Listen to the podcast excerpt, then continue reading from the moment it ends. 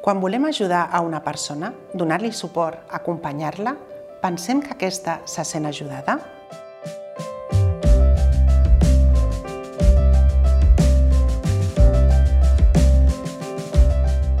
Podríem pensar que sí, però en moltes ocasions les intencions i la bona voluntat no són suficients. I és més, en algunes situacions poden causar un efecte contrari al desitjat. Posaré un exemple. La Sònia té 23, 23 anys i ens demana ajuda perquè no sap què fer amb la seva parella. Fa uns anys aquesta relació és dolenta, viuen repetides situacions de violència verbal, gelosies i menyspreu. Ella demana consell a les amigues, en ocasions als pares i a d'altres professionals que li són propers. Està enamorada, tot i que reconeix que no és feliç en molts moments i que no sap com actuar per estar millor amb ella mateixa.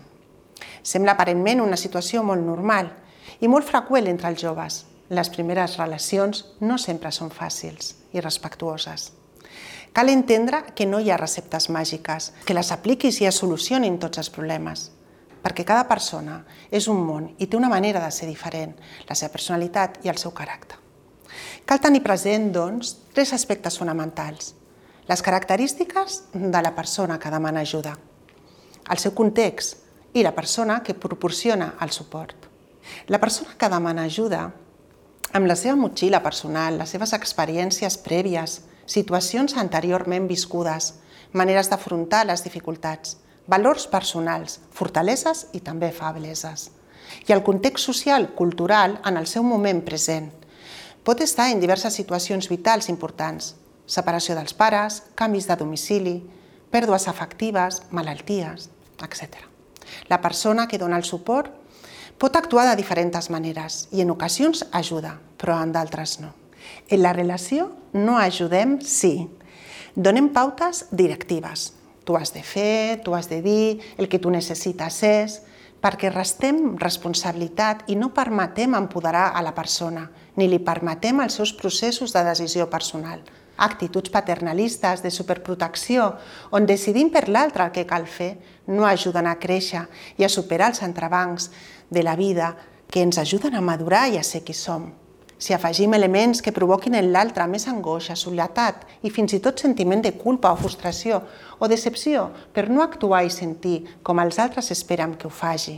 Tampoc no ajudem, tampoc no ajudem quan sense voler o sense ser-ne conscients tendim a minimitzar la situació, treure l'importància, comparar-la amb situacions pitjors, explicar experiències personals amb la falsa il·lusió que així accelerem el seu procés de patiment.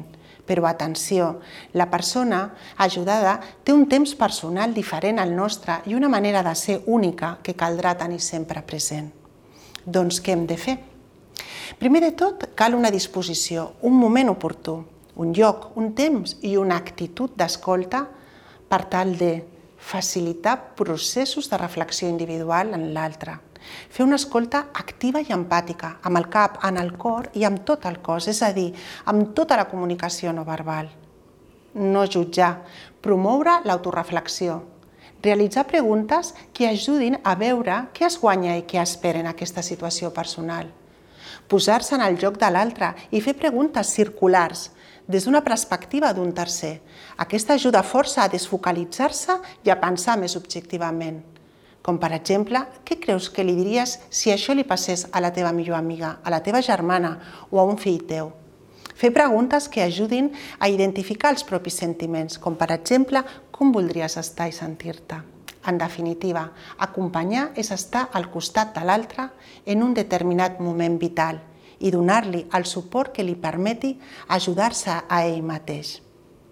Això comporta adoptar una actitud adequada que permeti respectar el temps, el ritme, el moment en què es troba l'altre per tal de que trobi els recursos propis per fer front als seus conflictes i trobar la seva pròpia solució. En definitiva, la relació d'ajuda posa al centre la persona i la seva motxilla personal, entenent el seu context i proporcionant una escolta activa, empàtica, emocional i respectuosa, per tal de que la persona adquireixi seguretat personal i maduresa emocional. Recordeu que la seva decisió potser no seria la nostra, però cal que amb les seves potencialitats i manera de ser trobi la seva resposta.